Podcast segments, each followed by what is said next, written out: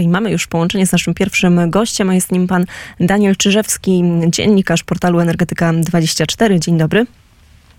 Dzień dobry Państwu, dzień dobry Pani redaktor. Dziękujemy za czas dla Radia Wnet i przechodzimy do pierwszego tematu.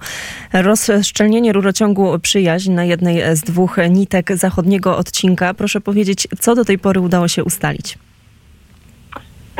No doszło do wycieku e, właściwie w połowie Polski, na centralnej części e, tego e, rurociągu, przynajmniej tego segmentu przechodzącego e, przez Polskę. No, szczegółów przyczyn nie znamy, no mogło dojść do awarii technicznej. Pewnie na ten moment nie można wykluczyć żadnych, żadnej, żadnych możliwości, tym bardziej, że wokół infrastruktury energetycznej mamy bardzo gorący okres, więc pewnie jeszcze, jeszcze trochę zajmie badanie tej całej to na pewno tak, ale w tym wypadku chyba to prawdopodobieństwo sabotażu, że mm, jest to e, działanie celowe, nie jest aż tak duże jak w przypadku Nord Stream 1 czy Nord Stream 2. Tak, zdecydowanie trudniej byłoby na przykład Rosji, to to pierwsza myśl, która przychodzi do głowy, dokonać sabotażu w, w środku e, Polski. E, no ale wie Pani tyle, e, ja w ostatnich tygodniach naczytałem się o różnych możliwościach ataku na rurociągi, gazociągi, że możliwości się namnożyło przez ostatnie dekady, e, zwłaszcza jeżeli chodzi o e, technologie e, wojskowe, o, o roboty, które same mogą na przykład wewnątrz rurociągu przejść i podłożyć ładunki wybuchowe. Przynajmniej tak, takie doniesienia, takie spekulacje panowały przy okazji rurociągu Baltic, Nord Stream 2 i Nord Stream 1. No ale E, może w przypadku pociągu byłoby to trudniejsze, ale myślę, że w tej sytuacji powinniśmy wykluczać żadnej możliwości. No właśnie i tutaj też oczywiście e, nasuwa się takie pytanie dotyczące ochrony tej naszej infrastruktury e, krytycznej, no bo e, to, co pokazało, pokazały ataki na rurociągi Nord Stream 1, Nord Stream 2, to na pewno to, że one są niewystarczające. Teraz mamy jakieś plany, mamy pewną odpowiedź na to, to bodajże wczoraj chyba Jens Stoltenberg powiedział, że, że NATO no, ma zwiększyć tę ochronę, ale czy pańskim zdaniem to jest wystarczająco?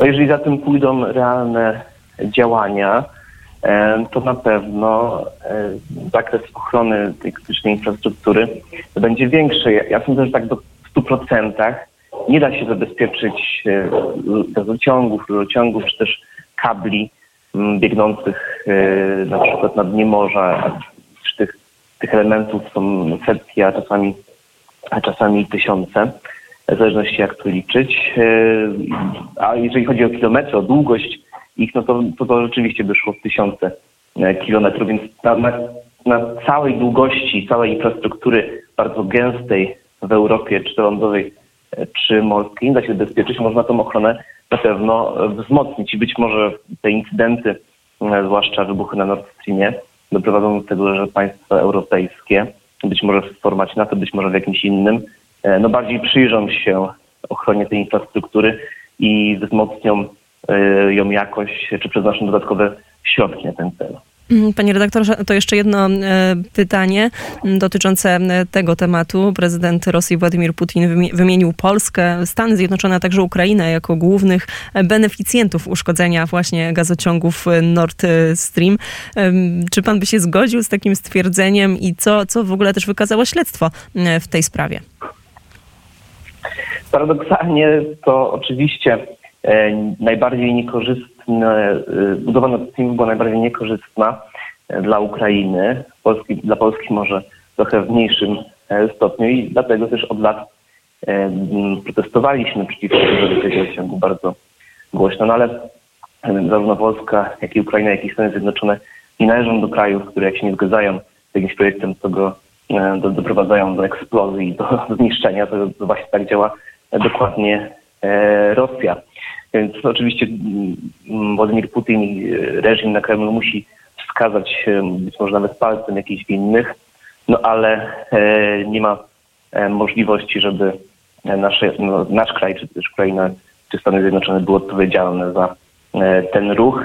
Więcej zdecydowanie wskazuje na Rosję, tym bardziej, że chwilę po wybuchach na Nord Streamach mm, Gazprom dał takie oświadczenie, że e, dwie nitki Nord Streamu pierwszego, bo tego zaciągi są jakby podwójne, e, nie działają i jedna nitka Nord Streamu drugiego nie działa, ale ta ostatnia e, może w szybkim tempie niedługo zacząć przesyłać gaz, czyli domyślamy się, że chodzi o to, żeby Niemcy szybko przeprowadzili certyfikację Nord Streamu i żeby Nord Stream 2 był legalny i mógł działać, więc to nasuwa podejrzenia, że to Rosja stała za tymi wybuchami. No właśnie, skoro wspomnieliśmy mm, o Niemcach, to Olaf Scholz powiedział, że zawsze był pewien, że Rosja użyje swoich surowców energetycznych jako e, broni. To jest zaskakujące, bo przecież kiedy działał mm, w rządzie Angeli Merkel, no to był jednym z tych polityków, którzy e, jak najbardziej e, za, głosowali za tym projektem. No i tutaj takie pytanie może trochę szersze, ogólną ocenę sytuacji, jeżeli chodzi o Unię Europejską. Możemy skupić się bardziej też na Niemcach, jak oni podchodzą do tego kryzysu, jak pan ocenia ich działania z perspektywy ostatnich kilku miesięcy? Jeśli Olaf Scholz miał taką wiedzę, nie tylko mógł powiedzieć o tym Angeli Merkel i, i rządowi, i ministrom, sam był też ministrem w jej ostatnim rządzie, ale mógł nawet Gerhardowi Schillerowi na początku tego wieku o tym powiedzieć, bo jest jego politycznym wychowankiem i być może Nord Streamu by w ogóle nie było. No szkoda, że Olaf Scholz dzieli się już e, post factum takimi E, domysłami, takimi informacjami. Oczywiście e, wspomniane wcześniej wybuchy Nord Streamu to jest dobre podsumowanie tej niemieckiej polityki energetycznej, no, którzy powierzyli bezpieczeństwo Europy no, tak naprawdę odwiecznemu wrogowi Europy państwu, które przecież e, było przeciwko Zachodowi w zimnej wojnie i które przecież 10 lat czy kilkanaście lat nie zmieni, nie zmieni się diametralny wiadomo było, że w pewnym momencie zwróci się przeciwko Europie ponownie. Tak też Polska, inne w regionie, inne kraje ostrzegaliśmy już od wielu lat.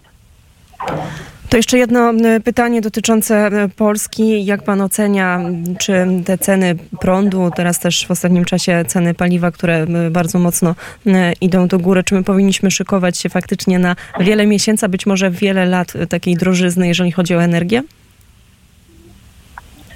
Myślę, że mm, te ostatnie tygodnie przynajmniej dają pewien dobry prognostyk zarówno w Polsce, jak i w Europie, bo e, widać, że e, rządy no, trochę może w panice, no, a trochę może po prostu z takiego instynktu politycznego, bo przecież odbiorcy energii, e, użytkownicy samochodów, paliw, to też wyborcy, no, przeznaczają ogromne środki na dopłaty do, do czy to energii elektrycznej, czy też E, czy też innych e, źródeł energii, więc wydaje mi się, że e, z tych powodów politycznych ta, ta, ciężar tego całego kryzysu nie zostanie zrzucony na społeczeństwo. Oczywiście będziemy się musieli mierzyć z jakimiś podwyżkami.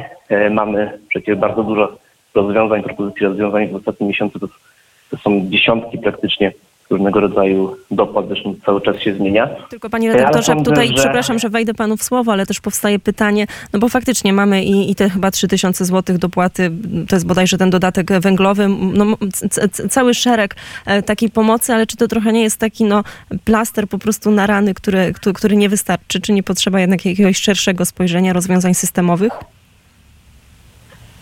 E, tak. E, z drugiej strony oczywiście teraz rządy europejskie, czy też sama Unia Europejska, Komisja Europejska działają na szybko, bo mamy już sezon grzewczy, teraz będzie zima, więc trzeba e, rozwiązania niemal w ekspresowym tempie wprowadzić, ale zmiana rynku energii w Europie, rynku gazowego w Europie, dostosowanie tego rynku do warunków wojny ekonomicznej, którą Kreml prowadzi z Europą, jak najbardziej jest potrzebna. Przymodelowanie takiego no, mocno liberalnego rynku, chociażby gazowego, czy też energii e, w Europie, żeby e, no, na przykład dać, dać limit na, na ceny e, rynkowe gazu czy energii, o tym się mówi, to najprawdopodobniej zostanie wprowadzone, no jest niezbędne, no bo gaz w pewnym momencie wzrósł o 1000%. To są, nikt nie jest w stanie ponieść takich kosztów w krótkim czasie, jeżeli miał przez całą dekadę gaz, no załóżmy za 30 euro za megawattogodzinę, to nie będzie w stanie